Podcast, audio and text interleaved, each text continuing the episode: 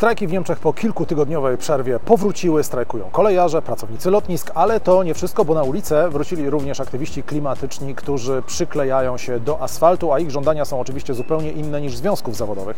W tym tygodniu niemiecka policja zabrała się za kierowców, którzy za nic mają ograniczenia prędkości a wrócimy także do obiecanego tematu polityki energetycznej, bo reaktory w ostatnich elektrowniach atomowych zostały tydzień temu wygaszone.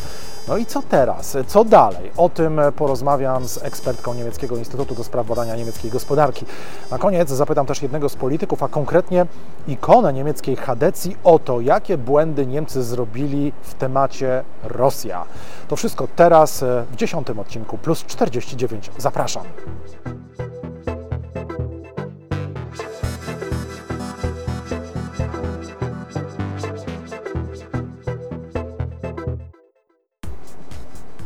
21 kwietnia, tradycyjnie w piątek. Witam Was w magazynie Plus 49. Ja nazywam się Tomasz Lejman i jestem korespondentem Polsatu i Interi w Niemczech.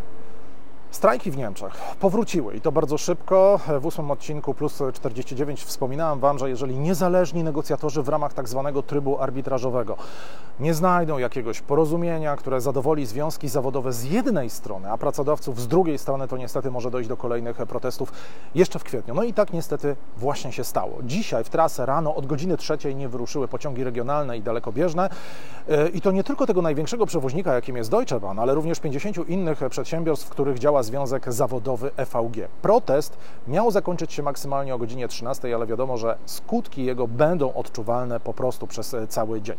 Z kolei Związek Zawodowy Verdi, a to gigant na niemieckim rynku pracy, też wezwał e, pracowników do protestów i one będą widoczne w najbliższych dniach, na przykład na niemieckich lotniskach. Zatem moja rada, ten kto w Niemczech będzie korzystać w najbliższym czasie z komunikacji e, publicznej, powinien na bieżąco informować się o sytuacji, bo niespodzianek będzie jeszcze naprawdę e, dużo i o tym będziemy mówić też w Interi i w Polsacie. A ponieważ oferta pracodawców wciąż mocno odbiega od tego, czego chcą związkowcy, to trudno e, tutaj przewidzieć, jak to się wszystko skończy, a przypomnijmy, że pracownicy chcą 12% przynajmniej podwyżki, 500 euro miesięcznie więcej. Te żądania różnią się oczywiście też w zależności od związku zawodowego. A jaka jest oferta ze strony pracodawców? No tutaj pada 8%, jednorazowa wypłata 3000 euro, a wszystko ma być rozciągnięte na 27 miesięcy. Jeżeli porozumienia nie będzie, co nam grozi?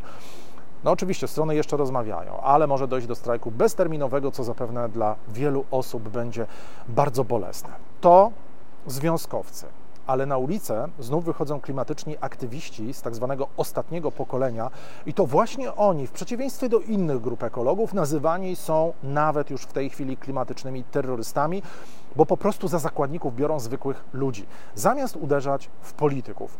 I o ile na początku większość osób tolerowała te protesty, uważając, że one po prostu zwracają uwagę na problem klimatu, to jednak to stanowisko Niemców na przełomie miesięcy, jak pokazują ostatnie sondaże, radykalnie się zmieniło, bo to ludzie stali się ofiarami tych protestów, bo to oni nie mogą dojechać do pracy, to oni zaczęli tracić pieniądze i oszczędności, gdy nie mogli dojechać na przykład na lotnisko lub na dworzec, bo ostatnie pokolenie przyklejało się do asfaltu.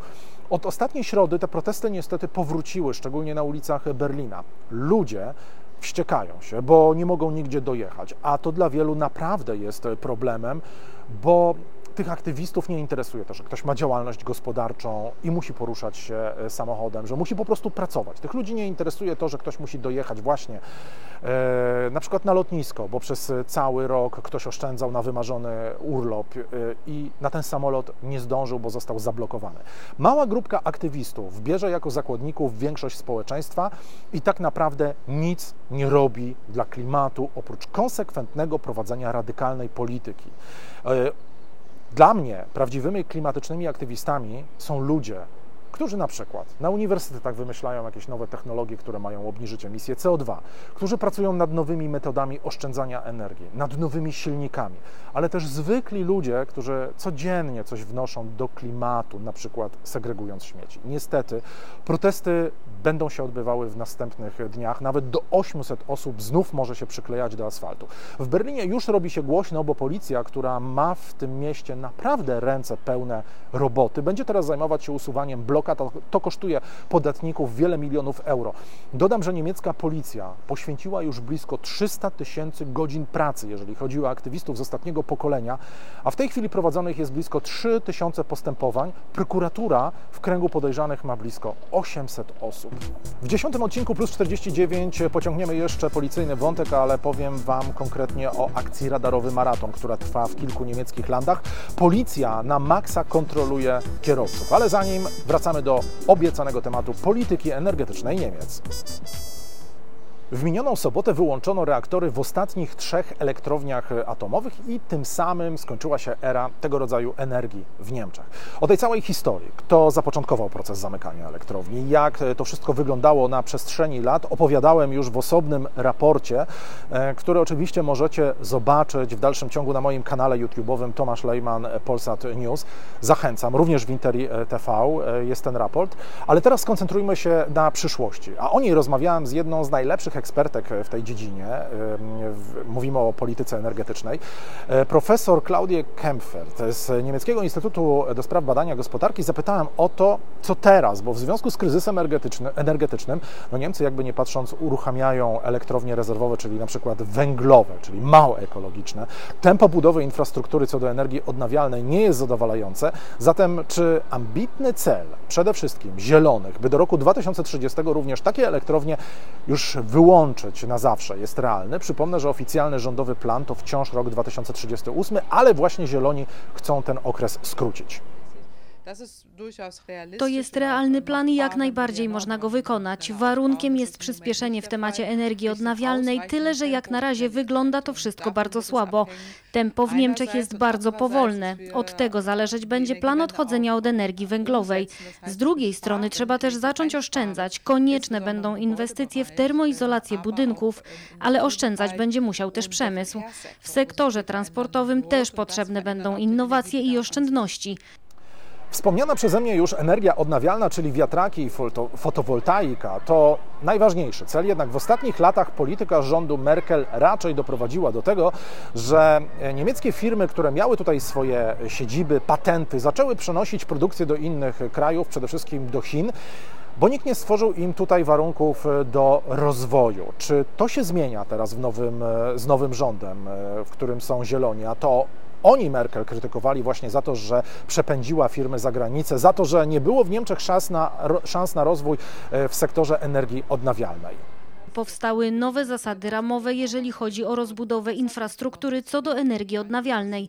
Dziś lepiej funkcjonują przepisy dotyczące parków wiatraków. W końcu niemieckie kraje związkowe zostały zmuszone do udostępnienia kolejnych terenów pod budowę farm wiatrowych. Jest teraz więcej możliwości, by budować kolektory słoneczne, na przykład przy autostradach.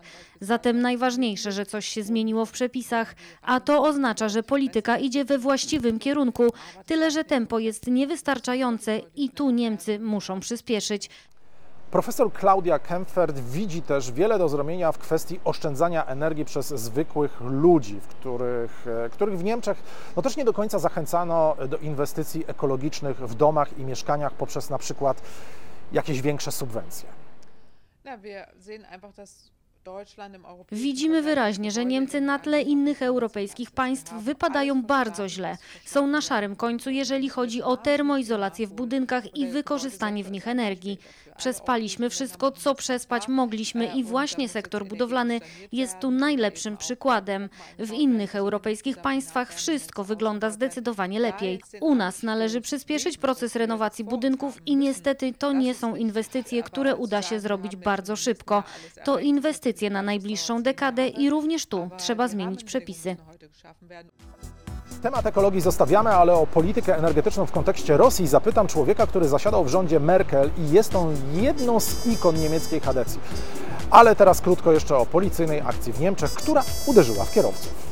Ta akcja nazywa się Blica Maraton. To taki policyjny radarowy maraton, który organizowany jest co jakiś czas w Niemczech. I taki maraton właśnie w kilku niemieckich landach trwa. Policjanci mówią, wszystkie ręce na pokład i wyciągają z magazynów wszystkie dostępne radary, którymi e, mierzą w tej chwili prędkość na wielu ulicach i na autostradach, na przykład w graniczącej z Polską Brandenburgii czy też Mecklenburgii po Morzu Przednim. Szczególnie w ten weekend akcja będzie prowadzona bardzo intensywnie i tak na przykład w Bawarii wystawionych zostanie 1800 radarów, powstanie też 160 punktów kontroli pojazdów i kierowców.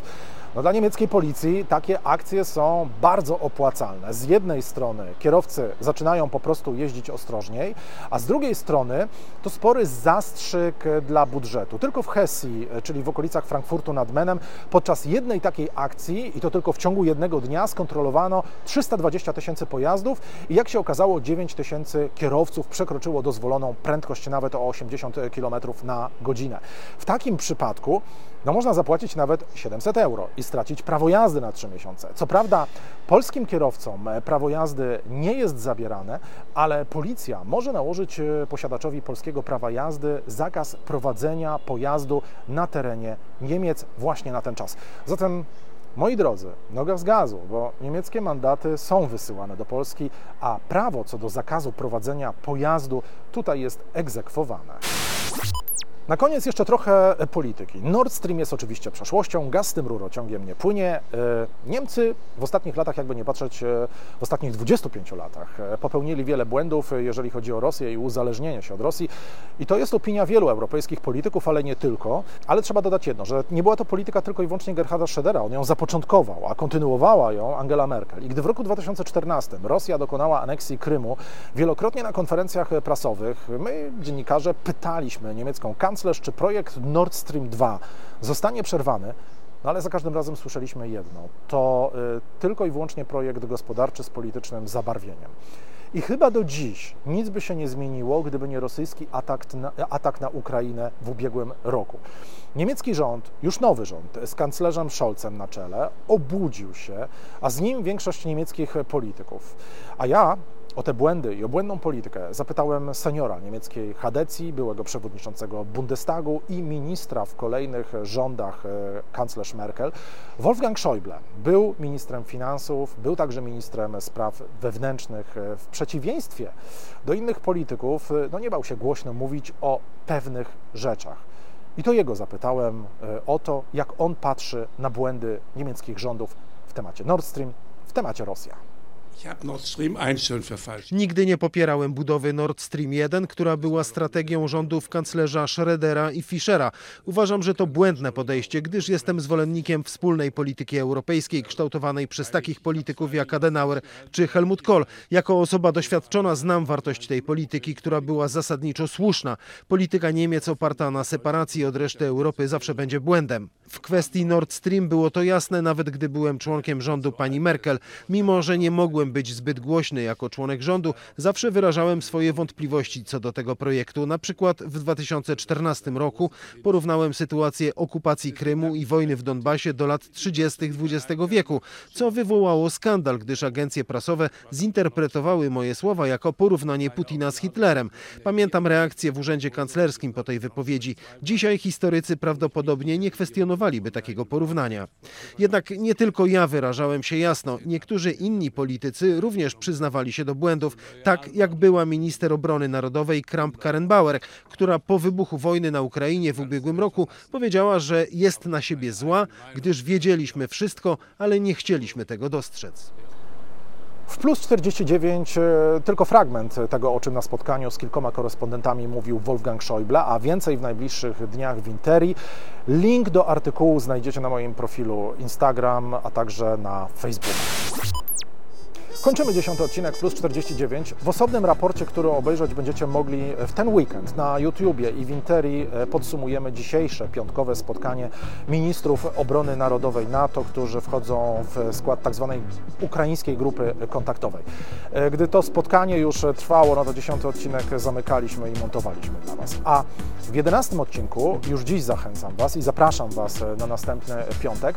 Trochę uwagi e, poświęcimy biletowi za 49 euro, dzięki któremu będzie można podróżować po całych Niemczech. I tutaj zapytam ekspertów o to, jak z niego korzystać, czy opłaca się taki bilet y, kupować i jak można to zrobić, bo nie jest to takie proste, jak się okazuje. Porozmawiam również o sztucznej inteligencji.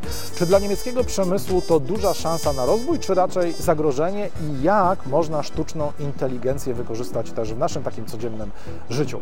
Zatem już dziś zapraszam na Plus 49. Na razie spokojnego i miłego weekendu Wam życzę. Tschüss.